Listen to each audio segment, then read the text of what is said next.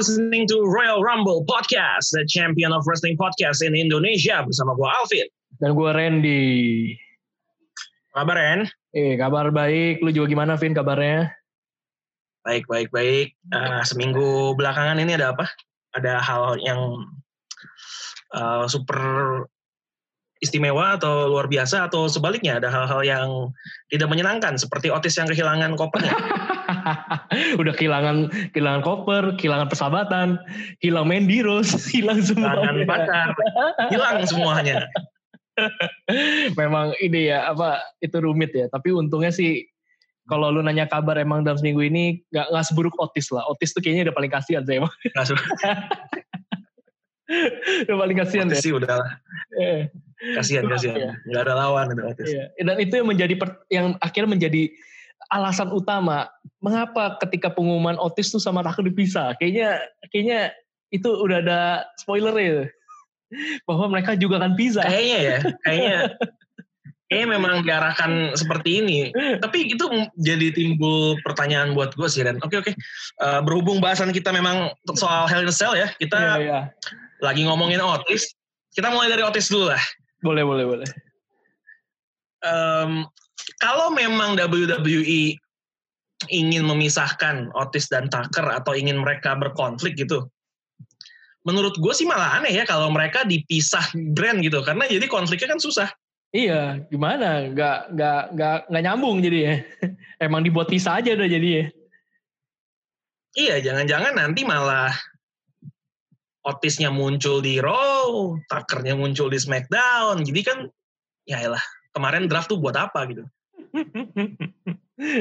jadi Jangan-jangan. ini berarti Malah jadi aneh sih. ini malah jadi yang eh, unik nih kasus mungkin gue nggak tahu dulu pernah terjadi atau enggak tapi biasanya kalau ada yang berantem gitu kan yang tadinya friend ataupun tadinya eh, satu stable gitu kan eh, satu faction gitu biasanya kan berlanjut tuh jadi ada ceritanya tapi kali ini Ya.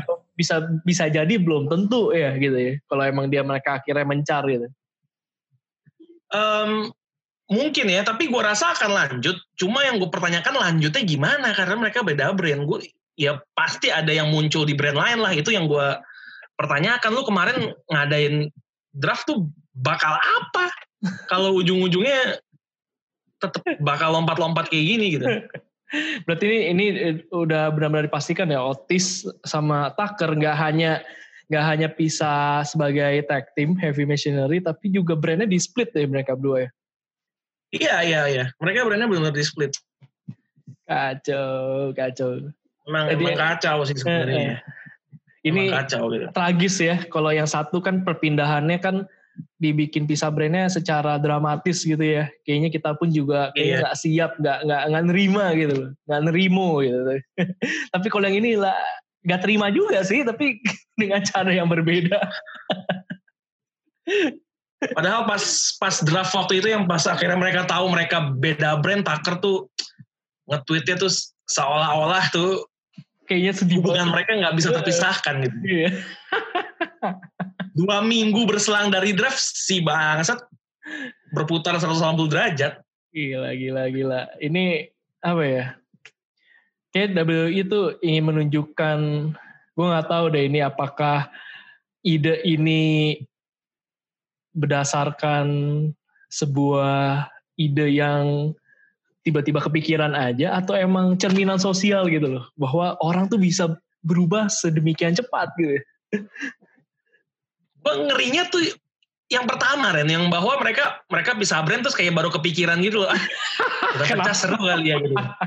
Gue ngerinya tuh kayak gitu. Ide dadakan. Ya dadakan gue ngerinya. Lu tahun diri lah WWE kayaknya suka suka banget Iya iya iya. hal yang yang aneh, yang yang yang nggak terpikirkan. Kalau emang lu mau pecah mereka buat mereka berkonflik, jadiin satu brand lah, biar konfliknya lu bisa tiap Lanjut. minggu ya. mereka ada di tempat yang sama buat buat berantem gitu. Mm, Nah ini kan jadi aneh gitu. aneh. Sama Sebenarnya Mandy-nya di brand sana juga. gitu kan. iya. heeh. Jangan-jangan malah akhirnya sama Tucker. Nah itu dia, jangan-jangan ada unsur romantika percintaan apa lagi yang dimasukin kita nggak tahu. Aduh. Ini ini ini juga ya bisa bisa ini nih kalau kalau Lambe Tura demen wrestling dimasukin juga tuh kisah. Oh iya bener bener banget. Kayaknya harus ada deh kayak yang bikin semacam lampe turahnya versi wrestling. wrestling. Karena kan menarik mas. Karena menarik, kan iya. Bener bener. Menarik. Setuju. Eh tapi lu nyangka gak sih si Tucker bakal nyerang Otis. Ya emang sebelumnya kita beberapa kali ngobrol, ya ini mah tunggu saat aja kita bercandaan doang nih, lagi-lagi bercandaan doang. Bercandaan doang sih. Ya, Tucker bakal me, me, apa mengkhianati Otis gitu. Dan ternyata beneran terjadi nih lagi kali di Hell in a Cell. Tapi lu yeah. expect gak sih itu terjadi secepat itu gitu? Beneran terjadinya juga beberapa hari setelah Otis nolongin dia jadi El Gran Gordo kan? Iya bener. Si anjing tuh emang dia nggak punya tag temen tag tim untuk ngelawan lawan siapa sih? Gue lupa kemarin. Ya, pokoknya untuk untuk sebu untuk match nggak punya temen tag tim uh, di Raw. Otis dateng rela-rela nyamar jadi maaf agak tolol gitu kan ya maksudnya ping-ping gitu kan El Grand Gordo. Buat tolongin Tucker. Beberapa hari setelahnya si anjing berkhianat itu kan anjing banget. Uh, tapi kalau dibilang nyangka atau enggak sebenarnya enggak sih. Kalau nyangka taker berkhianat di sini ya di yeah, yeah. sebenarnya sebenarnya enggak. Sebenarnya enggak.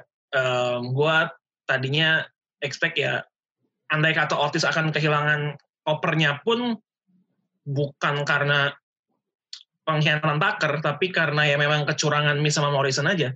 Yeah. tapi ternyata ada twistnya yaitu taker berkhianat. Uh, memang nggak nggak kelihatan sama sekali sih kalau gue ya hmm. agak sedikit menyenangkan sih karena karena unpredictable. Cuma benar benar benar cuma gimana ya? Agak-agak gitu ya nggak masuk nalar aja gitu. Emang gue juga gak nyangka sih tiba-tiba si Taken ngegebuk si Otis pakai kopernya langsung ya udah deh. Ada apa ya? Nah, buat Otis ya Otisnya sendiri nih Ren. Menurut lu gimana Otis sebagai seorang pemegang Money in the Bank. Sebagai seorang Mister Money in the Bank, kiprahnya Otis ini gimana sih? Hmm. Gak tahu deh. Ini kayaknya orang pertama gak sih yang akhirnya punya Money in the Bank diambil orang lain gitu. Dia gak pernah pakai. Kayaknya sih ya. Padahal ya lu. Kayaknya sih ya. Kalaupun lu nggak lu nggak tertarik sama gelar juara ya, lu bisa dapet duit men dari situ ceritanya gitu. Tapi nggak dipakai juga gitu. Dan lu kalahnya yeah, juga kalahnya juga gara-gara konspirasi juga gitu. Si JBL-nya kayak pas lagi ngeliat koper kan kayaknya mendapat sesuatu tuh kayaknya. Langsung akhirnya tiba-tiba ya lu yeah. mesti melawan yeah. uh, mesti melawan Miss untuk uh, memperta untuk mendapatkan kembali uh, money in the bank-nya gitu. What the fuck? Eh apaan sih? Yeah. ini kayaknya itu juga gak ada juntrungannya tuh kenapa iya, tiba-tiba bisa diputusin kayak gitu. Iya ini kayak emang kalau tanya makanya ini kayak juara Money Bank yang paling paling mengenaskan kayak bisa jadi otis kali dengan yang kehilangannya dengan kayak gitu caranya tanpa usaha bahkan gitu. Bahkan lebih bahkan lebih mengenaskan dibandingkan mereka yang gagal cash in. Bener bener dibanding Baron Corbin yang pernah gagal kan ya. Ini ke Baron Corbin tuh masih ada usahanya gitu loh. Ya gue cash in duit gue, gue apa money bank gue kontrak uh, money bank gue dengan harapan gue bisa dapat gelar juara. Lah ini apa? Lu kehilangan sesuatu yang emang udah milik lu gitu. Gelar juara bukan. Gelar juara nggak dapat ya. Iya. Ya, memang, memang kayaknya salah satu rain Money in the Bank yang paling mengecewakan atau paling unfor, uh, paling forgettable bahkan ya paling abysmal ya kayaknya sih memang Otis ini ya ya karena sangat-sangat tidak mengesankan sih memang. Benar, benar. dari awal cuma dibuat bercandaan bahkan akhirnya dibuat jadi lunchbox tuh menurut gue udah kayak aduh udah nggak ada harga dirinya ini Money in the Bank. Udah isi kontraknya mereka ada luar ya. Nah itu dia. Masalah dibuat nyimpen snack? Itu kan astagfirullah. Udah nggak masuk akal. Nah, tapi Ren, uh, buat money in the bank-nya sendiri nih, sekarang ada di tangan di tangan demis, di tangan demis uh, yang bisa kita bilang mungkin kompetitor yang lebih serius lah dibanding Otis gitu kan. Kalau Otis kan mungkin kayak ya udahlah comic relief aja. Uh, sebenarnya lo happy nggak Money the Bank ini berpindah tangan, berpindah tangan ke The Oh, Jujur lu tanya happy atau enggak, enggak happy juga sih. Biasa aja. ya lu, gue gak, udah terlalu membawa perubahan banyak ya. Gue nggak tahu juga mau ekspektasi apa ke Demis gitu. Dia bareng sama Morrison. Apakah ini akhirnya menjadi jilid dua nanti tiba-tiba Morrison nyerang si Miss juga. Bisa jadi. Bisa jadi. Never say never, never say never. Iya, Bisa never jadi. say never. Iya. Nah, gue nggak tahu deh kalau misalkan Miss sekarang di Raw atau SmackDown ya gue lupa. Miss, Miss, Miss, Miss, Miss. Seingatku Smackdown ya. Smackdown ya. Kayaknya nggak mungkin dia tiba-tiba mau menggunakan itu lawan uh, The Tribal Chief kan. Enggak sih, nggak bisa sih. Mungkin berarti dia bisa aja mau pakai itu untuk tag team mungkin. Dan ini menurut gua nggak apa-apa kalaupun kayak gitu. Jadi suatu hal yang baru. Jadi hmm, uh, Money the Bank ya ya udahlah kali ini dipakai untuk perebutan gelar juara yang lain gitu. Soalnya uh, kalau misalkan ya sebenarnya sih emang kayak lu bilang sih never say never juga gitu. Ya kita nggak pernah tahu kok tiba-tiba emang Demis mau pakai lawan Roman Reigns ya bisa aja gitu. Oh Miss ini sorry Ren Miss itu Raw? Raw ya? Nah Miss Raw. Raw. Oh ke Raw. Ke Raw lawan Randy Orton nggak kebayang juga kayaknya dia bakal pakai itu kayaknya sulit dah paling mentok dia gunain itu paling buat kalau emang dia mikirin Morrison ya buat tag team. Tapi kalau dia mikir diri sendiri ya mungkin buat US Champion. well, um, make buat gelar tag team tuh sebenarnya udah pernah kita bilang juga buat Otis apa Otis mau pakai buat gelar tag iya. team ternyata ternyata nggak nggak nggak sampai akhir hayat pegang itu nggak pernah dilakukan nggak casing ke siapa siapa. Dan ngelihat personalitinya The Miz sih ya, gue nggak yakin juga dia bakal cash innya ke tag team. gelar tag team gitu loh. Pasti mungkin justru mungkin karena dia egois gitu ya. Oke gue mau cash in ke either Randy Orton atau ke uh, Bobby Leslie gitu ya karena dia egois mau buat diri sendiri sementara Morrison mungkin ngerasa eh kita menangin eh kita dapetin Money in the Bank ini sama-sama gitu Iya, iya. Bisa jadi justru Morrison penyebab gagalnya Cash in the Miss. Akhirnya mereka malah berkonflik berdua. Bisa jadi. Iya, oh, juga. Iya. Akhirnya uh, The Miz sama Otis gitu ya. Terus Tucker sama Morrison. Tucker. Tuh goblok. Gue jadi Otis sih gue kagak mau ya. But, but well, uh, menurut gue lagi-lagi ini ya, ini menurut gue dua tahun berturut-turut Money in the Bank. Aduh bikin mengecewakan hati nih. Setelah Brock Lesnar. ya. ya gagal Brock Lesnar waktu itu tiba-tiba main masuk aja gitu jadi juara Money the Bank. Kali ini Otis pun yang menang tanpa usaha karena kebodohan AJ Styles nggak bisa capitalize apa yang dia punya gitu sekarang ke The Miz yang kita pun sepakat kayaknya wah ini kayak nggak tahu nih ujungnya bakal kayak gimana gitu kalau bener kayak skenario yang lu bilang sih menurut gua wah dua tahun berturut-turut kita melihat Money in the Bank tuh kurang di kurang menurut gue ya kalau buat pribadi aduh kurang bikin gimana gitu. Kurang greget ya. Bener. Um, apa enggak tiga tahun Ren? Karena seinget gue kayak tahun sebelumnya lagi Baron Corbin deh. Iya gak sih?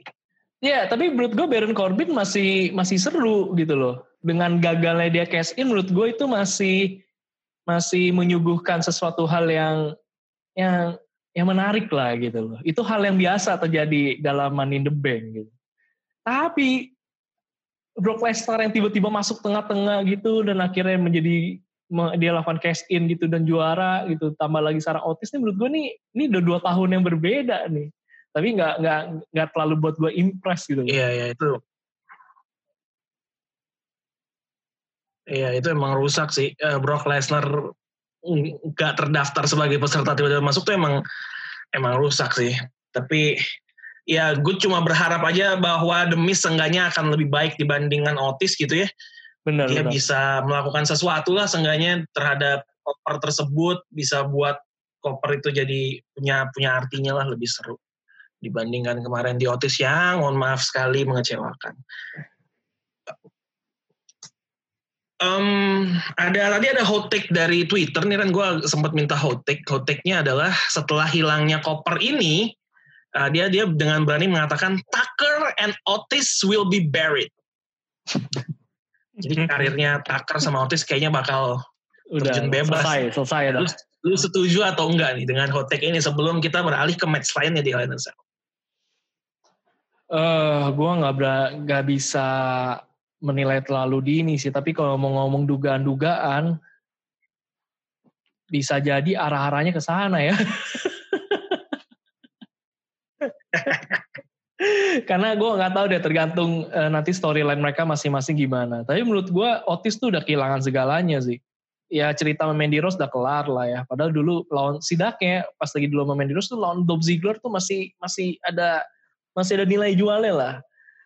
Sebenarnya lawan The Miz juga seru sih. Tapi ini kan lawan akhirnya ceritanya jadi begini nih. Dia even sama Tucker juga bisa gitu. Kita nggak akan bisa lagi melihat Heavy Machinery sebagai tag team juga.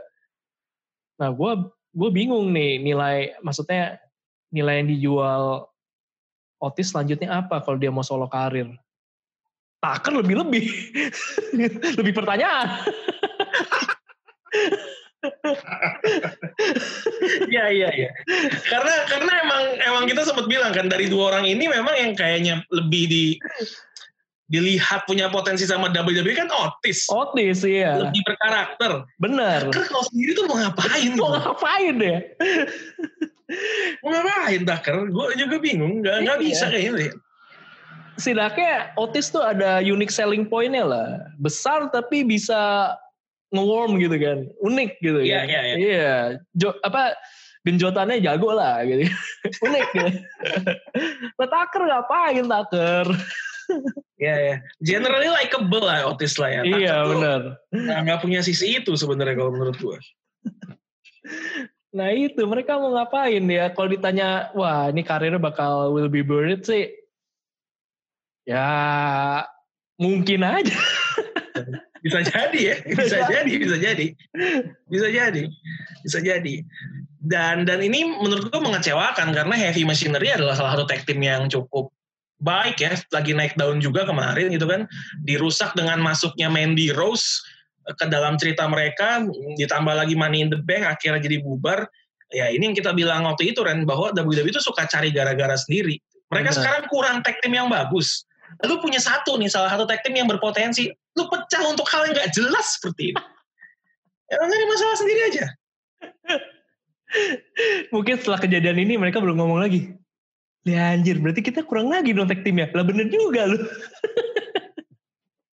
Bisa jadi kan, ya. kegoblokan sendiri aja udah. Waduh, ini kita makin kurang lagi dong. Makanya udah skenario-skenario pengkhianatan dikurang-kurangin dulu lah, udah capek gitu. Ya dikurang-kurangin dulu aja. Mendingan terang-terangan aja gitu kan ya kalau mau Bener. nggak suka sama orang gitu ya, nggak usah nggak usah dipendem-pendem. Contoh Iya. apa yang dilakukan oleh the tribal chief gitu. Bah, ya kan? Memang dia terang-terangan bilang kepada sepupunya bahwa ada konsekuensi dan lain sebagainya dan beneran dilakukan. Dia nggak nggak main dari belakang, langsung aja. Kalau percaya diri sama kemampuannya sendiri mah langsung aja. Dan akhirnya juga bukan sekedar omong kosong ya, dia bisa walk the talk bener, bener. karena uh, the tribal chief Roman Reigns is still WWE Universal Champion um, di Cell setelah mengalahkan Jey Uso. Um, yang menariknya Jey Uso ini quit bukan karena dia sendiri ya, tapi karena Jimmy, karena Jimmy-nya yang yang di di submission oleh Roman, akhirnya dia harus bilang I quit. Um, gue lupa waktu minggu lalu lu bilang pengen ngelihat main eventnya Hell in a Cell, lu bilang match mana ya? Match ini kok nggak salah ya? Iya, kemungkinan Roman Reigns. Eh enggak, gue pengennya sih liatnya uh, Sasha Banks sama Bailey. Bayley, ya? cuman, cuman kita menduganya kan, wah kayaknya mah Roman Hmm. Reigns sih. Ternyata malah opening. iya, malah opening. Ternyata malah opening. Um, gimana Ren matchnya dan storytelling kedua orang ini di atas ring sesuai ekspektasi kita atau justru di bawah ekspektasi lu? Kalau dibilang bener-bener bagus sih enggak juga sih. Tapi eh, menurut gua dia menangnya di konfliknya memang. Kan kita kan emang udah menduga lah nggak mungkin Roman Reigns kalah kan, tapi setidaknya apa yang di pertandingan kita bisa nikmatin. sebenarnya kalau mau dibicara hmm, secara mainnya wrestlingnya nggak terlalu gimana banget gitu. Walaupun di situ emang terlihat si si J-nya sih kuat bener ya, walaupun dia kuatnya kuat lemes gitu loh. dibantai terus dia, tapi dia kuat aja gitu loh. Dia persisten bilang dia nggak mau quit deh. Uh, dan sempat bikin Roman Reigns uh, pass out juga kan sebenarnya. Cuma gara-gara pass out gak bisa ditanya nih orang mau quit atau enggak. Gameplay juga ya. Uh, tapi serunya di ini sih emang konflik keluarganya sih.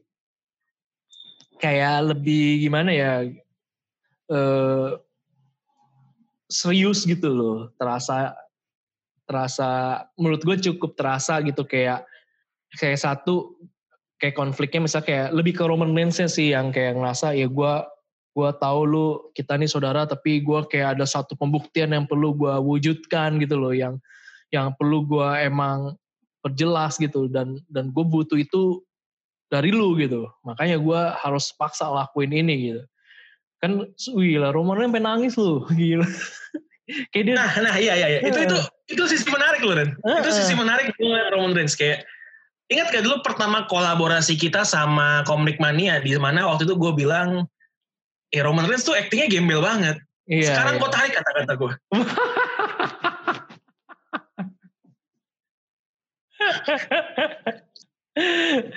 Wih, gila emang orang tuh berubah. Bisa, iya, orang tuh. Iya, memang. waktu memang bisa mengubah, benar, mengubah benar. orang ya. Benar, benar. Gue ngelihat dia bisa nangis di atas panggung tuh terkejut ya. Iya, itu tuh kemampuan yang gak mudah loh untuk untuk seorang aktor bisa nangis ketika berakting tuh kemampuan yang udah udah gokil menurut gue. Ya, udah siap lah dia kayak berkarir mengikuti jejaknya The Rock sama John Cena. Bener bener bener bener bener. Uh, bisa nangis ya, gue, gue kaget. Iya, gue juga kaget gitu. Sebenarnya Hell in a Cell ini banyak kejutan sih sebenarnya. Iya, iya, iya. iya. Hell in a Cell banyak, banyak, banyak, banyak, banyak, dan, dan di sini emang Roman Reigns kelihatan banget sih sadisnya sih. Dia kayak uh, gak berhenti berhenti kan lu kalau nggak ngomong quit ya gue hajar lagi gitu. Lu nggak ngomong quit ya gue hajar lagi gitu.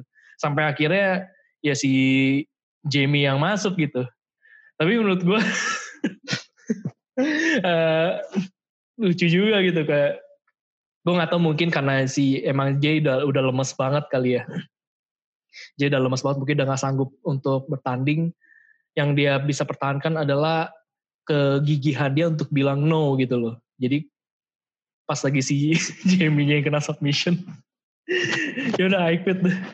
Gue mikir kenapa lu gak gebuk kan? Gue ambil apa kek gitu loh. Ambil fire extinguisher kayak lu getok gitu palanya kan. Mungkin udah udah lemes banget. Udah letih, udah letih banget, udah lemes banget kayak udahlah gue udah gak bisa lagi. Udah gue udah gak punya kemampuan melawan dia, udahlah I quit. Iya. Tapi memang bangke juga sih Roman Reigns sih. Iya. Sekaligus ya itu cara yang cerdas juga. Lu kalau emang nggak bisa jawab karena gue lu terlalu kuat untuk gue nyiksa diri lu ya udah gue siksa saudara lu gitu. Iya berarti Jimmy lemah banget ya kayak uh, dia kan kembar gitu ya. Supposedly kemampuannya sama. Hmm. Ya Jay aja bisa bertahan cukup lama gitu loh uh, ngelawan Roman. Ente kok sekali submission kayak udah udah mulai bener gitu sampai harus saudara lu yang yang yang bilang quit untuk melindungi lu ya iya, ya maklum iya. lah ya baru cedera kali ya iya wis cedera iya, iya. tapi ini konsekuensinya um, apa sih Vin? Eh, apakah emang kita nggak akan bisa ngelihat J lagi untuk beberapa saat gitu atau gimana? Gue nggak tahu ya kak. Kalau gue nggak salah konsekuensinya adalah dengan bahasa simpelnya kalau Jay nggak mau ngakuin Roman sebagai the tribal chief gitu ya, uh, dia akan dicoret dari kakak dari kart dari kartu keluarganya Anoa'i. kalau gue nggak salah ya. Sebegitunya. Nggak, keluarganya yeah. gue juga ngizinin aja ada aturan aneh begitu. ya karena mungkin dia udah diakui sama yang lain sebagai tribal chief oh. gitu ya, oh. udah jadi kepala suku ya apa pun aturan yang dia mau keluarin ya sah-sah aja gitu. Iya iya iya kalau udah udah jadi udah jadi tribal chief ya aturan seaneh apa pun ya sah-sah aja. ada ada editannya yang tai banget Roman Reigns dipakein apron sama topi chef gitu kan, the tribal Hmm. chef. Gitu. tai banget sih emang netizen. Iya, ya iya. konsekuensi lainnya adalah kalau dia nggak mau quit ya bisa kehilangan nyawa. Kayaknya kayaknya se extreme violence deh. Karena kan terakhir-terakhir sebelum Jimmy muncul, Roman udah siap-siap buat buat hantem palanya kan pakai pakai tangga atau apa kalau nggak salah gue. Iya, pakai pakai tangga pinggiring itu. Iya iya. Em, tapi oke lah kalau kita bilang tadi lu udah bilang juga matchnya sebenarnya dibilang bagus banget enggak juga. Tapi menurut gue yang membedakan match ini dengan match-match biasa gitu ya. Hmm. Memang storyline-nya sih, storytelling-nya bahwa mereka bertutur di atas panggung, di atas ring nggak cuma sekadar wrestling doang. Ada cerita yang mereka mereka tunjukkan di di di, di tengah-tengah ring itu. Dan yang membedakan adalah ini karena nggak ada penonton ya, kita bisa ngedenger mereka ngomong apa gitu. Benar-benar ya. Konfliknya makin berasa, makin makin makin berasa. Dan kayaknya menurut gue inilah yang membedakan sports entertainment sama sama sekadar sports gitu ya. Iya, Bukan iya. cuma sisi sportsnya tapi ada ceritanya juga. Dan banyak kan kadang-kadang kita lihat match secara secara wrestling tekniknya bagus banget tapi nggak ada story-nya jadi kita nggak bisa bilang match ini jadi bagus banget nggak bisa karena ya udah hampa aja. Tapi match ini menurut gua adalah bukti paling baik sih untuk nunjukin ke orang inilah pro wrestling, inilah sports entertainment. Mungkin wrestling tekniknya hanya di level good not great, tapi karena dikasih storyline yang luar biasa, oke jadi ratingnya tinggi sekali. gitu. Benar. Ada indikator tambahan lah di sini. Betul betul Hmm. betul. Nggak cuma sekadar ya udah orang yang banting-bantingan lompat sana lompat sini, tapi ada setiap setiap gerakan mereka menuturkan cerita. Menurut gue itu sih salah satu faktor match bisa dibilang bagus. Ya, setuju, setuju. Nah, kalau itu faktor match bisa dibilang bagus, match yang tadi masuk bagus, match selanjutnya gua nggak tahu nih. Um, ini mungkin adalah selain 24/7 championship ya, mungkin adalah match paling tidak ada mininya di Hell in a Cell kali ini. Elias versus Jeff Hardy. Udah itu akhirnya begitu doang lagi.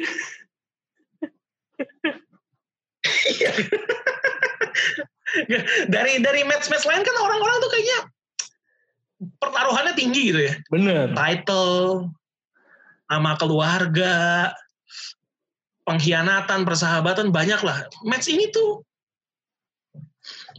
stake-nya apa sih sebenarnya kayak nggak ada. Hanya satu gitar yang rusak aja.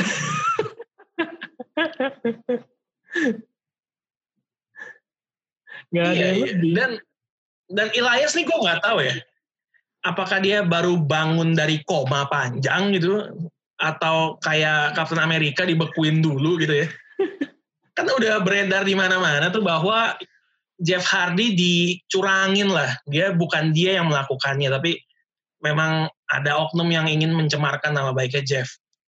Ya diserang tetap Jeff sama dia. Gue nggak ngerti lah. Ya, emang mungkin baru bangun dari koma gitu langsung uh aku harus mencari Jeff Hardy nggak tahu lah Elias E- Emang pertanyaan sih itu orang. Ngapain deh coba. Dan ya ini mah pure selingan doang sih. Dan kayaknya nggak tahu deh ya. Kalau gue sih kayak nggak terlalu memberi perhatian lebih ke, ke match ini gitu. Ya nontonin aja gitu. Eh apalagi taunya akhirnya cuman gebuk gitar akhirnya menang diskualifikasi ya Lais ya ya udahlah. Hiburan selingan doang ini mah. iya kan males kan Iya. Sayang banget, sayang selingan-selingan sekali. Karena abis match ini kan eh, Miss versus Otis kan. Mungkin mungkin WWE nggak pengen dari sebuah match yang begitu bagus gitu ya Reigns versus Jay nggak mau langsung ke match lain yang sebenarnya masih punya pertaruhan juga Miss versus Otis. Jadi mungkin dikasih filler lah nih dikasih filler dulu biar lu tarik napas biar nggak langsung dibandingin match ini karena pembandingnya kan pasti match setelahnya. Iya. ya nggak kebanting-banting banget lah Miss sama Otisnya walaupun akhirnya juga ya begitu aja. Miss sama Otis ya Miss sama Otis kita udah bahas ya. Miss sama Otis kita udah bahas Em, kita beralih ke menurut gua ini adalah kandidat bukan cuma match of the night, match of the night pasti, tapi juga merupakan kandidat kuat match of the year. Iya. Um, dan cukup surprise gue kenapa match ini nggak ditaruh di main event, eh, nggak uh, tahu kenapa. Tapi ya udah apa boleh buat itu terjadi, yaitu Bailey versus Sasha Banks, di mana kita mendapatkan the new WWE SmackDown Women's Champion, yaitu Sasha Banks. Dua pertanyaan dari gue cepet aja. Dua pertanyaan pertama, apakah lu expect Sasha akan menang di Hell in a Cell? Kedua, kira-kira berapa lama Sasha akan megang gelar juara ini? Karena kita tahu Sasha biasa megang gelar juara pendek-pendek. Habis itu gak lama kalah. uh, gue gua gua udah menduga sih Sasha Banks bisa menang. Gitu. Oh iya, oh iya, gue gue malah duganya Bailey loh sebenarnya kalau gue. Gue emang uh, gue mungkin kalau menduga kesannya prediktif banget ya tapi emang gue punya harapan besar sih untuk emang ngelihatnya Sasha hmm. Banks yang menang gitu karena yep, yep, yep. karena kayaknya ini secara pengalaman emang lebih pengalaman Sasha Banks kan kalau di Hell in a Cell kan dibanding Bailey gitu jadi kayaknya nih emang momennya Sasha Banks gitu tapi kalau lu tanya pertanyaan selanjutnya apakah dia berapa lama ini pertanyaan sulit sih, tapi menurut gue kayaknya sih ngelewatin akhir tahun bisa lah. ngelewatin, ngelewatin akhir tahun. Iya, uh, cuman setelah itu seberapa panjang lah itu gue nggak tahu. Tapi gue yakin ngelewatin 2020 kayaknya Sasha Banks masih bisa. ya buat Sasha Banks sih dua bulan cukup lama ya sebenarnya. Yeah. Dia pernah kan beberapa hari gitu. Jadi buat dia sih dua bulan udah cukup lama sebenarnya. Kalau kalau lu gimana dengan pertanyaan yang sama? Pertanyaan yang sama sih, kalau expect gue ya expectnya sebenarnya gue udah bilang kan, gue expect Bailey tetap retain sebenarnya. Hmm.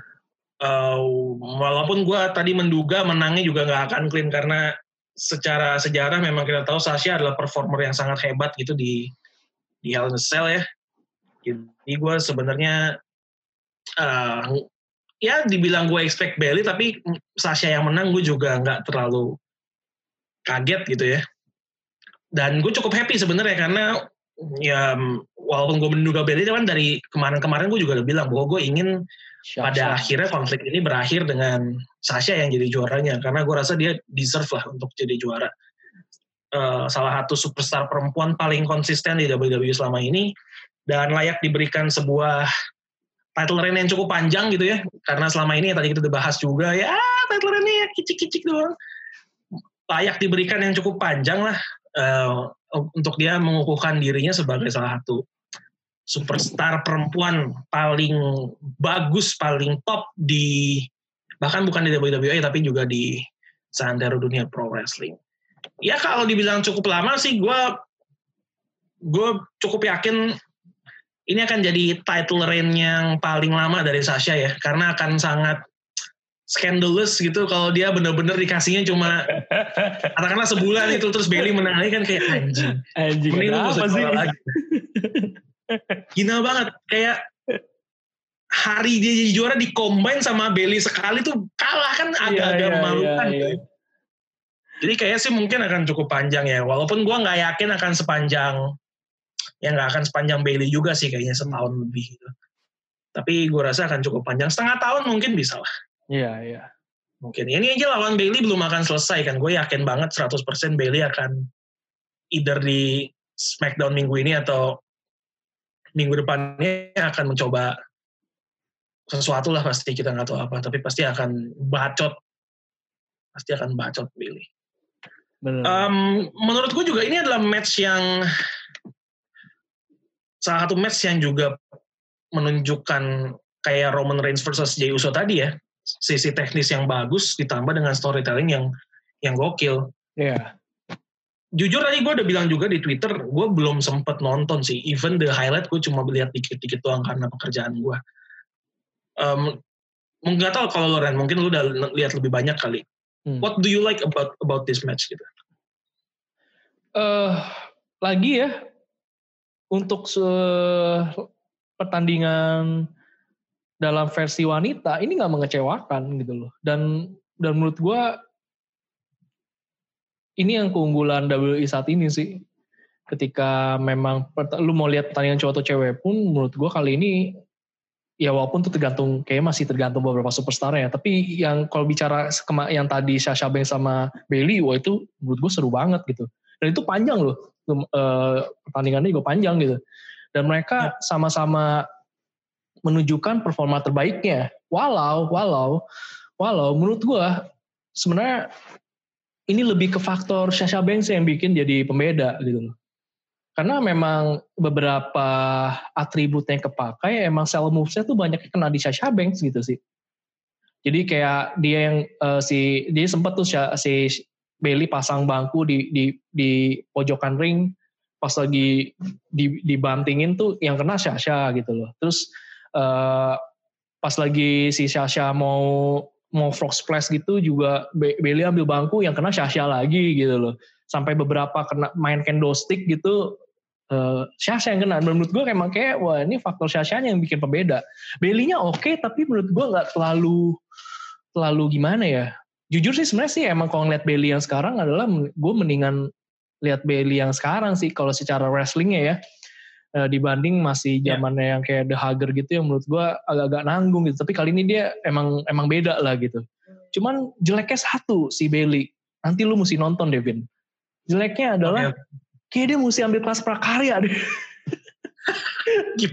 Coba, gue gak ngerti deh niatannya apa. Dia jadi ambil dua kendo, dua kendo stick, terus dia ambil tape. Dia ambil tape dia tuh mau buka tape-nya aja tuh lama. Dia sampai kayak sempet ngomong apa gitu ya ini gue kayak mesti buka dulu gitu. Udah buka nih. Geblek banget lah pokoknya lah. Geblek banget pokoknya. Dia udah buka candlestick dia udah buka tape-nya nih ya. Candlesticknya digabung di digulung-gulung mah dia lama banget. Padahal Sasha Banksnya mungkin juga kesel kali nungguin dia gitu. Anjing nih ngapain gue golep nunggu lama? gitu kan. Dia mau pasang di antara uh, pagar Hell in a Cell di lubangnya dimasukin sama taruh di pinggiring gitu. Jadi kayak dibikin balok melintang gitulah hasil dia pasang candlesticknya. Oke. Okay.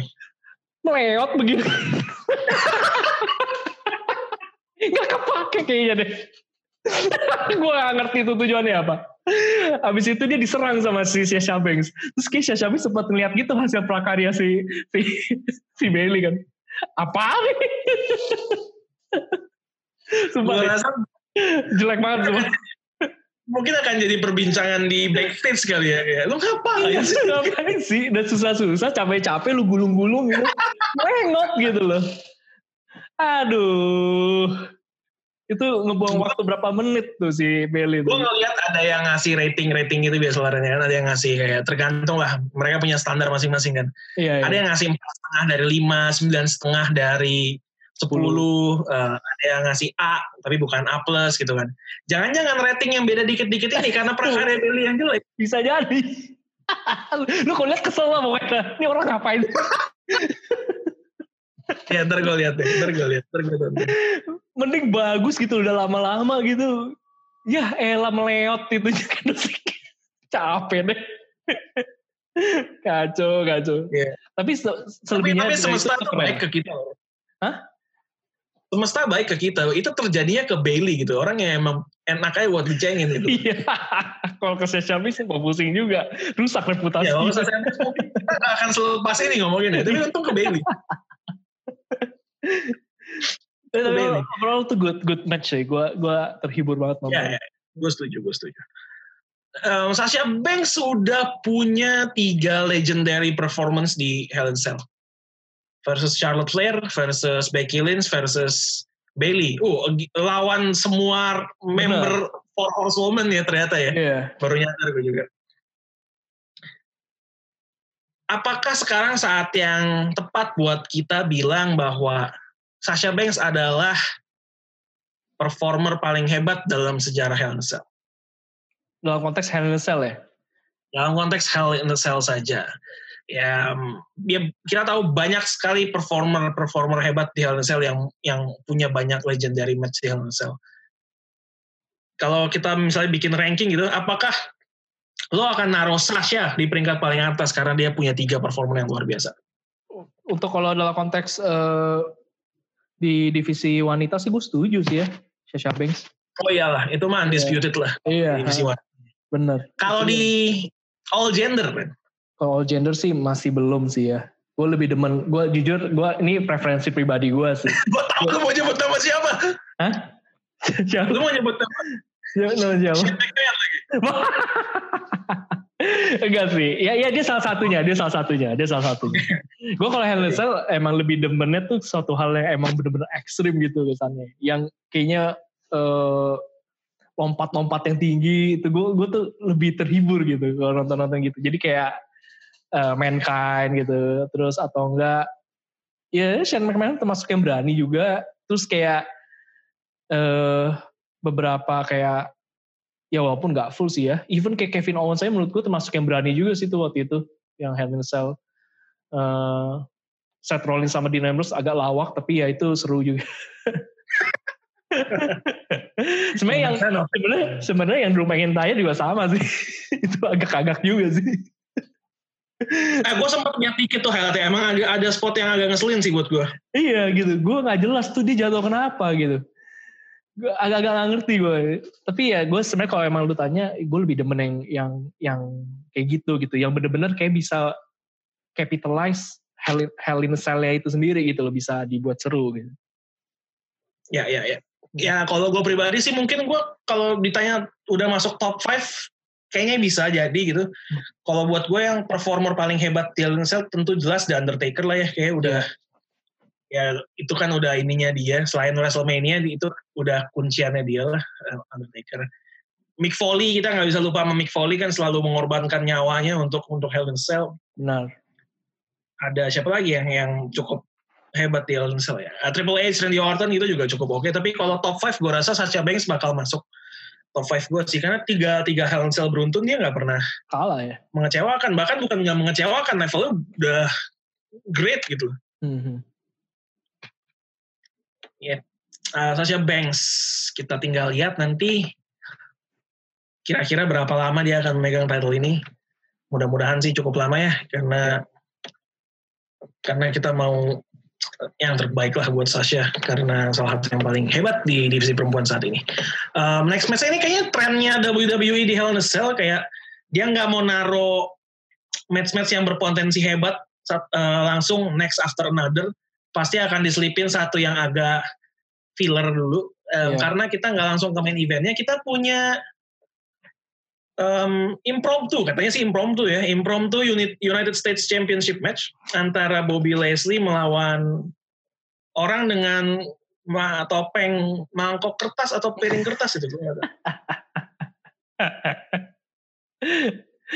ya itu juga kadarnya kurang lebih mirip kayak Jeff Hardy sama ini sih sebenarnya sama Elias. Bedanya kali ini ada gelar apa maksudnya ada melibatkan seorang championnya gitu, US champion. Yeah, yeah. Kayak ya gue nggak bisa ekspektasi banyak juga sih pas lagi nonton itu gue juga menduga ah, nanti ini ujung-ujungnya juga chaos-chaos aja gitu. Ya benar terjadi. Akhirnya dua kubu saling baku hantam ya kita cuma melihat yang kayak gitu aja gitu jadi. Iya ya dan matchnya juga cepat, slapjacknya juga langsung tap out nggak lama kepada The Hurt yeah. Lock. Nggak um, lama Ali keluar berantem dua kubu yang ternyata The Hurt Business mampu bertahan gitu loh. Retribution yeah. bisa nyerah. Iya. Yeah. Kayak Faction kok cupu banget ya gue. Agak-agak gimana? Gue nggak nggak ngerti. Hmm. Iya cupu banget gitu kayak dan nggak bisa one on one nggak menang, keroyokan nggak menang, udah berminggu-minggu kayak nggak bisa ngapa-ngapain agak agak membingungkan sih. Gue ngerinya ini malah bakal jadi downgrade buat Mustafa Ali ketimbang malah Bener. Naikin nama dia. Itu itu yang gue lihat sebenarnya Vin. Dia sebagai leader of retribution menurut gue terlalu cupu tadi. Sumpah dah. Gak ada sangar-sangar yang tadi mah. Sebelumnya masih kelihatan serem deh ya. Gila. Dia pas lagi tiba-tiba uh, reveal gitu. Oh gue nih ternyata apa gue nih part of them gitu dan bahkan gue leader ya gitu gue masih ngeliat Ali nih kayak wah nih Alinya beda banget nih sangat eh tapi tadi kayak menurut gue kayak gimana ya kayak tipikal ini loh kayak lu kalau nonton nonton film mafia Hong Kong gitu ya yang bos-bos itu yang menang duit aja gitu loh yang menang ada kuasa aja gitu padahal berantem nggak bisa gitu apa nggak bisa. Ya kesannya kayak gitu gitu. Ya, iya iya iya. agak kurang kurang gimana lah gitu Iya, momen terbaik Ali di Retribution ya sejauh ini pas memang reveal-nya itu doang sih menurut gue. Sisanya udah udah turun aja yang udah nggak jelas ngapain. Iya. Menunjukkan kemampuan. Gue tuh punya harapan gini, Vin. Mendingan Retribution udah reveal aja anggotanya siapa aja gitu. Nggak usah pakai topeng-topeng. Udah tahu semua juga. Iya, capek nontonnya mereka. Gue tadi juga liat si Jack itu kayaknya juga nggak nyaman kayaknya uh, match pakai topeng-topeng begitu kayak topengnya sempat robek di bagian atas deh. Iya, nah, makanya maksudnya udah reveal aja gitu loh. Orangnya kan kita juga kurang lebih bisa menduga juga juga. Ya bahkan kita tahu udah bukan lagi menduga gitu. Orangnya siapa aja ya udah gitu. Perang terbuka aja gitu. The hot business kita udah tahu siapa aja membernya yang lawan retribution ya siapa aja udah gitu. Ini langsung kayak gitu gitu. Menurut gue bakal lebih seru sih dibanding yang masih kayak gini kayak sosok misterius tapi ya Kalau mau so misterius tuh menurut gue nggak apa-apa. Kalau lu punya kemampuan buat backing sisi misterius itu gitu loh. Iya, iya, iya. Katakanlah dulu Leicester Black gitu ya di NXT kan mau sok misterius gitu kan ya. Um, tapi dia menang terus gitu. Itu jadi nggak masalah sisi itu. Nah ini udah mau so misterius, so teroris, so hebat. Tapi tiap lu dikasih panggung selalu kalah, selalu mejan, nggak ada hasilnya kan. Siapa yang mau nganggep lu ancaman serius kalau kayak gitu? Gak ada lah, susah. Ini Ali malah makin ke sini gue liat jadi kayak pemeran Almasi di serial Mezayahnya Netflix tuh gak? makin mirip. Iya, iya, iya. Ngomong iya. doang gitu kan, ngomong doang. Berantem emang gak pernah, ngomong aja udah. Ali nih gawat ya Ali nih. Padahal gue punya harapan dengan dengan di reveal-nya Ali jadi leader Retribution bisa saling menaikkan satu sama lain lah ya. Yeah. Ali bisa ngangkat Retribution jadi faction yang lebih baik. Um, storyline Retribution bisa ngangkat Ali jadi superstar ya at least mid card lah karena sekarang mid card pun dia ya kita nggak bisa bilang dia di mid card dia di di di limbo dia dia udah out of nowhere limbo. kita udah nggak tahu gue gue malah ngeliat retribution ini ya jadi kayak gimana ya mungkin lagi nggak jelas juga lagi dia menempatkan waktu itu Ali juga sempat ngomong kan eh, emang dia yang seorang programmer yang hack ngehack itu gitu kita di sini tuh emang jadi kayak lawannya company yang dianggap udah rusak lah kayak gitu tapi dia dapat kontrak dari situ. WWE tahu ini kelompok yang meresahkan gitu. Tapi diajak gitu. Gue lihat-lihat nih WWE ini agak-agak pemerintah Indonesia juga gitu loh. Oposisi wow, wow, masuk. wow Wow. Iya. Iya, iya, iya. Masuk akal. Masuk, iya. Ya, Retribusi itu juga oposisi banget ya. Dia merasa iya. pemerintah sekarang tuh nggak banget. Tapi gak banget. karena dia mau kasih saya bagian, ya saya ikut. Ikut, iya. masuk kadal, masuk kadal.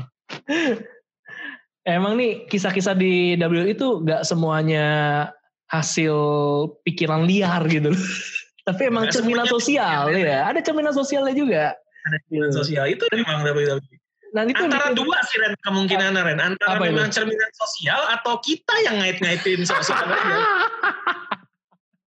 Gue baru mau ngomong itu justru uh, eh, WWE tetap masih ada manusiawinya. Tapi karena ada opsi kedua lu kayaknya enggak juga deh. Jadi emang ciptanya. eh kita aja yang bisa-bisanya deh. Itulah hebatnya kita. Itu yeah. sisi lebihnya kita. Iya, iya, iya. Iya. Dan itu Dan, cuma bisa lu ditemukan di pro wrestling yang punya storyline gitu. Iya betul. Yeah. Kayak kalau kemarin juga ada ini kan ya uh, eh, UFC ya, uh, iya. Habib Nurmagomedov pensiun dia sudah. Kita nggak bilang nggak seru ya, kita nggak bilang nggak seru cuma nggak ada storyline-nya gitu loh ya iya. udah dia lawan penantang udah that's it selesai. WWE ini bayangin untuk kita punya match Sasha Banks versus Bailey di Hell in Cell kali ini kita harus menyaksikan drama persahabatan konyol mereka selama setahun lebih. Bener bener itu ada storyline yang dibangun segitunya. Even menurut gue Vin ya eh, kadang UFC pun juga nggak benar-benar mengesampingkan soal storyline. Dia bahkan kan kadang-kadang kalau lagi mau udah tahu nih misalnya match siapa lawan siapa itu juga kadang-kadang tuh berita dibakar terus. Mereka perseteruan lah apalah iya. gitu. Karena mereka juga nyadar itu yang ya. uh, itu yang bikin, itu yang bikin orang ngedorong mau nonton juga gitu. Selain mau lihat sebuah pertandingan yang menarik tapi juga emang pengen nonton secara sosok wah ini siapa yang menang? gitu. Bukannya gue pengen nonton karena oh, gue bakal nonton sebuah match yang bagus gitu. Ya kayak ya menurut gue uh, kayak Habib itu juga cerita tentang wafatnya bapaknya pun juga menurut gue tuh nggak lepas dari dari daya tarik juga buat orang akhirnya mau nonton gitu loh. Sampai akhirnya mengikuti lagi oh dia ternyata udah begini gitu sekarang dia pensiun karena alasan demikian gitu. Ya karena justru itu yang bikin ya makanya menurut gue tuh jadi segala sesuatu jadi lebih manusiawi gitu karena sisi sisi human kita juga ketouch gitu dengan cerita-cerita yang ada gitu Ya, ya, ya. Mungkin bedanya di kadarnya kali ya. Kalau WWE kan itu memang jadikan kadar utama juga. Benar. Bumbu utama juga. Iya. Dan kadang kadang ceritanya juga nggak based on real life kan. Kalau kami yes. mungkin ayah meninggal kan based uh. on real life. Cuma mungkin uh, di campaign kan lewat PR stunt gitu ya. Mungkin jadi lebih lebih orang tertarik. Kalau WWE kan ceritanya udah udah di luar nalar aja gitu kan. Bisa ada The Finn. The Fin, The Friend, The Fright, gue udah gak tau dah. ya, ya, ya. Oke, kita terakhir ada match yang sudah ditunggu-tunggu atau nggak ditunggu-tunggu nggak tahu karena beberapa orang sudah mulai menyatakan ah gue udah cukup bosan dengan konflik ini dan somehow mungkin didengar gitu ya sama yeah. WWE akhirnya endingnya agak berbeda dari perkiraan kita semua nih. Di mana benar, benar. ternyata ternyata kita punya the new WWE Champion, 14 time WWE Champion, Randy Orton. Yes. How was it, Ren? Kayak lu expect ya? Kalau kali ini sih mungkin jawabannya tuh nggak expect kali ya? Gak expect, gak expect. Tapi gak, gak sedih juga sih. Gue emang gue emang demen sama Drew McIntyre yeah, yeah, yeah. Uh, sebagai seorang champion. Tapi match uh, Hell in a Cell tadi uh, keluarnya Randy Orton sebagai juara tapi nggak membuat gue uh, sedih juga gitu ataupun kecewa. Itu uh, juga pertandingan yang seru. Makanya gue bilang Hell in a Cell kali ini tuh banyak kasih kejutan dan itu gue seneng gitu loh. Justru kalau misal kita bisa prediksi ah nih kayaknya begini deh. Selama itu terbantahkan justru gue malah makin seneng gitu. Artinya ya, ada ya, ada ada iya ada hal yang berbeda gitu. Hal hal yang akhirnya mematahkan bayangan kita gitu. Nah ini Randy Orton ini salah satu case-nya gitu, gimana dia jadi juaranya menurut gue, wow itu ini di luar dugaan tapi ini tetap pertandingan yang keren gitu. Jadi ya gue menikmati banget sih match sebagai penutup di Hell in a Cell ini. Ya gue nggak bisa bilang karena gue belum banyak nonton ya, gue mungkin baru bisa nonton besok mungkin ya. Um, tapi dari yang gue dengar dan yang gue baca lewat sosmed, matchnya nggak jelek, matchnya cukup bagus gitu ya. Tapi kalau dibandingkan dengan dua match Hell in Cell sebelumnya, Roman Reigns, Jey Uso sama Bayley Sasha Banks, ini yang paling lemah katanya. Banyak banyak banyak yang bilang seperti itu. Jadi um, PPV kali ini kan punya tiga Hell in Cell match. Uh, kalau di rankingin ini yang nomor tiganya yang paling bawah. Lu setuju nggak dengan dengan opini populer ini? Somehow gue ya sebenarnya ada kurang lebihnya sih. Sebenarnya kalau mau dilihat sebenarnya pembedanya memang kayak tadi kita sempat omongin Vin. Konflik antar dua orang ini memang lebih menonjolnya tuh yang di dua pertandingan sebelumnya sebenarnya. Itu yang jadi jadi pembeda. Kalau lu emang ngomong sebelumnya tuh kayaknya pertandingannya juga ada storytellingnya. Ini yang menurut gua kayaknya nggak terlalu terpancar gitu di di di dua orang ini, di McIntyre sama Randy Orton. Uh, tapi dibilang jelek sih juga enggak sih. Menurut gue sih masih masih oke okay lah, masih oke. Okay.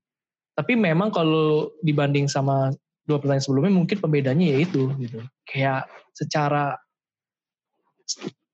ya kalau pakai istilah lu pakai itu gerakan yang storytellingnya tuh nggak nggak terlalu kuat seperti Sasha Banks, Bailey dan juga Jay sama Roman Reigns.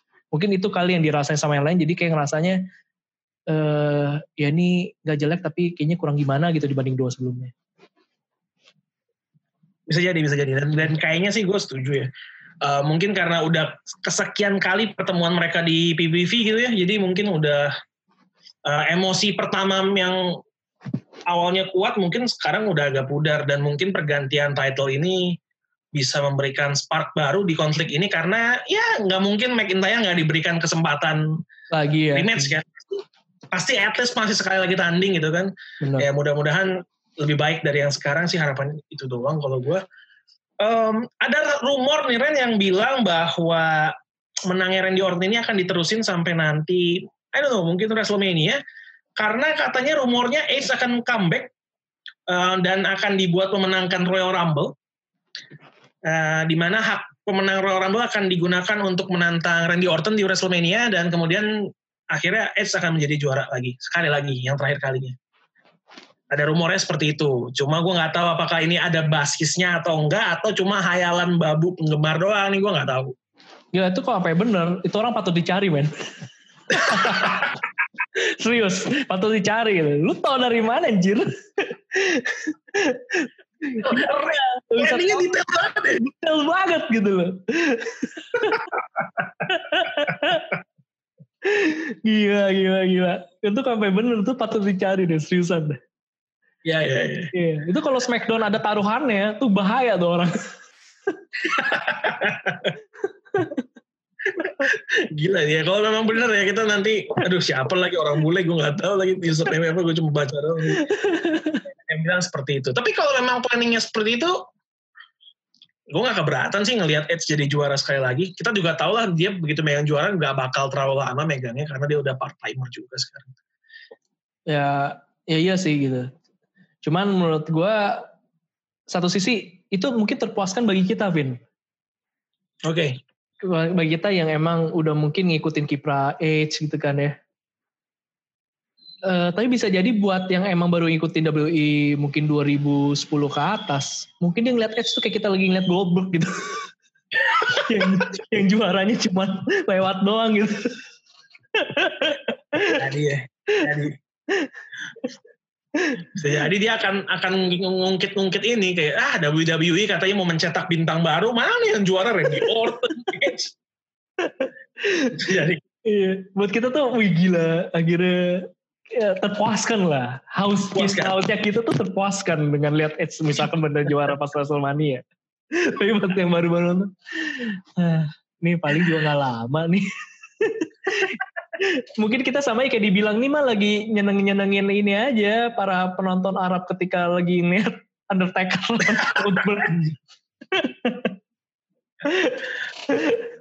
ya mengambil uh, keputusan yang populer di mata publik ya. Iya iya. Itu doang sebenarnya. Tapi bukan keputusan yang terbaik untuk rakyat sebenarnya, cuma yang populer doang. Iya gitu. Oke. Okay. Oke, okay, jadi Hell Cell tadi seperti itu secara keseluruhan nih Ren puas nggak lo dengan PPV hari ini? Masih hari uh, ini kan ya? Puas sih dengan dengan apa yang untuk untuk dari segi emang sesuatu yang dipertaruhkan ya itu seru. Tapi buat selingannya okay. ya ya udahlah itu kita no comment dah. Ya selingannya udah nggak usah kita anggap lah kali ya. Kayaknya anda buat buat buat mereka yang main eventer narik napas doang gitu kali. Ya udah, yeah, napas. Yeah. Dulu aja ibarat di basket mungkin ini kali cheerleader doang. Gak penting-penting amat sebenarnya. Uh, best match menurut lu yang mana dari tiga hal cell match yang kita punya? Secara subjektif uh, aja kan orang bisa beda-beda. Apa-apa. Ya. Gue kalau emang itu sih I will go for Sasha Banks sama Bailey sih. Ya, setuju sih. Hmm. No objection di sini. Yeah. Duanya gue ya Roman J lah. Iya. Yeah. Tiganya baru Drew Randy Orton. Randy Orton. Ya, ya, ya. Oke, okay. uh, eh, terakhir sebelum kita tutup episode kali ini, pertanyaan dari Twitter. Uh, ini pertanyaan cukup panjang, tapi gue ambil satu aja karena waktu kita udah mau habis. Biasa ditanya mengenai superstar favorit. Nah, sekarang kalau diminta milih satu tag team favorit sepanjang masa, boleh sekarang, boleh sepanjang masa, lo akan milih siapa? Gua, jujur gue akan jawab ini. Uh, tukul. tukul. Kenapa? Ini jawabannya menarik nih. Gue emang demen aja gitu sama Scotty Todd sama Grandmaster Sexay gitu dulu. Sampai sekarang okay. tuh kayak menurut gue tuh itu unik aja. Entah kenapa selalu melekat aja di otak gue. Mungkin karena dulu pas lagi main gue sering mainin kali ya. Entah kenapa gue emang demen aja sama, sama tag team Tukul waktu itu apalagi sama ada Ricky C juga gitu loh. Menurut gue unik. Ya? Iya unik aja pas lagi tiba-tiba mereka pakai kacamata semua kan. Terus tangannya eh, pegangan gitu di bawah pinggang gitu dia nutup gitu kan. Terus joget-joget. Wah itu sih menurut gue ikonik banget sih Tukul. Ya, walaupun di real life tidak terlalu sukses nggak masalah ya. Iya. Uh. Ya lu kalau yang saya gue kan lo. lu mau expect apa gitu gue? ya sih, ya sih, ya sih. kalau yang sekarang, kalau yang saat ini, yang saat ini masih aktif. Kalau masih aktif ya. Tim favorit. Mungkin saat ini gue lebih tag team itu Morrison. lebih enggak enggak sih enggak sih walaupun gue demen sama Morrison ya gue sih gue suka dengan uh, gaya-gayanya dia iya kepalan tangannya tuh menurut gue keren banget mungkin kalau tag team saat ini gue lebih demen lihat Ntar deh, gue bingung nih. Sebenarnya ada beberapa pilihan. Satu aja, satu aja. Benar-benar yang gue suka ya. Susah juga ini. Ya, lo mau ambil dari NXT boleh, mau ambil dari luar WWE juga nggak apa-apa. Tag team. Gue mungkin akan jatuhkan pilihan gue tuh mungkin ke New Day aja sih ya saat ini. New Day ya? New Day ya, karena uh, eh, gue tipikalnya kayak gitu. Uh, gak hanya mereka bagus dalam ring, gak hanya tentang uh, gelar tapi gue lihat uniquenessnya gitu loh mereka nih bedanya apa sih dan menurut gue New Day itu yang punya warna beda gitu secara tag team gue gue demen banget gitu dengan pembawaan dia yang cheerful banget gitu terus yang yang unicorn unicorn dan serialnya itu dan menurut gue itu ciri khas yang orang pasti akan notice oh ini New Day gitu nah ya, kalau ya, lu gimana ya. kalau lu kalau Gue kalau all time-nya mungkin klise ya. Uh, di pas kita kecil kan, pas kita SD, mungkin sebagai anak laki-laki kan kita biasa nyari sosok keren buat kita jadiin idola gitu ya. Iya. Di sepak bola gue punya David Beckham gitu. Nah kalau di wrestling, kebetulan saat itu yang lagi keren adalah Hardy Boys. Iya.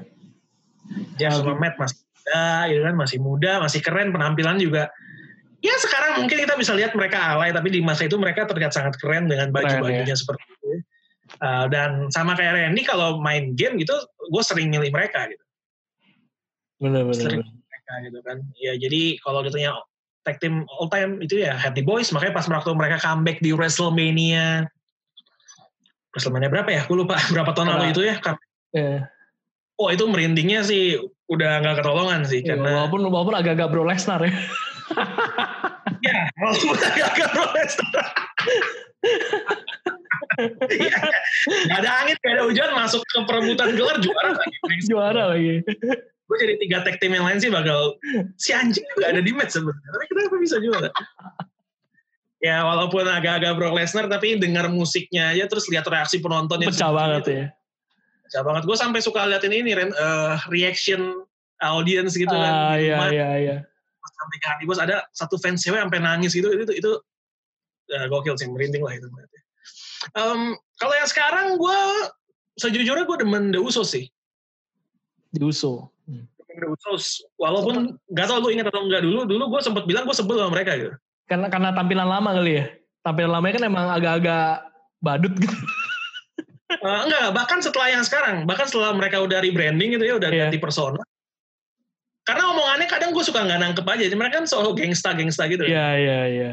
Kadang gue suka nggak nangkep omongannya. Tapi semua berubah pas match mereka Hell in Cell lawan New Day.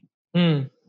Hell in Cell mereka lawan New Day itu keren banget sih menurut gue. Itu salah satu tag team match terbaik di Hell in Cell yang pernah gue nonton gitu. Jadi yeah, sejak saat yeah. itu gue ngeliat, wah khusus tuh gokil ternyata. Dan setelah didengar-didengar lagi, musiknya enak juga. Enak juga ya. itu apa? Ya dari gue orang-orang Grand Theft Auto banget lah itu. Iya iya iya. iya. CJ banget loh, CJ banget. Iya. GTA San Andreas banget lah mereka. Iya benar-benar. Oke, udah satu jam kurang lebih eh, kita sudahi episode ini. Nanti kita lihat minggu depan ada apa, what's in store for us. Apakah Bailey akan kembali begitu cepat? McIntyre mau ngapain juga, apakah langsung akan menantang Randy Orton lagi? Kita lihat juga Jey Uso apakah beneran bakal dicoret dari kakak atau enggak. Kita lihat aja seperti apa kelanjutannya di Royal Rumble Podcast episode yang akan datang minggu depan bersama gue Alvin. Dan gue Randy. And you can believe that.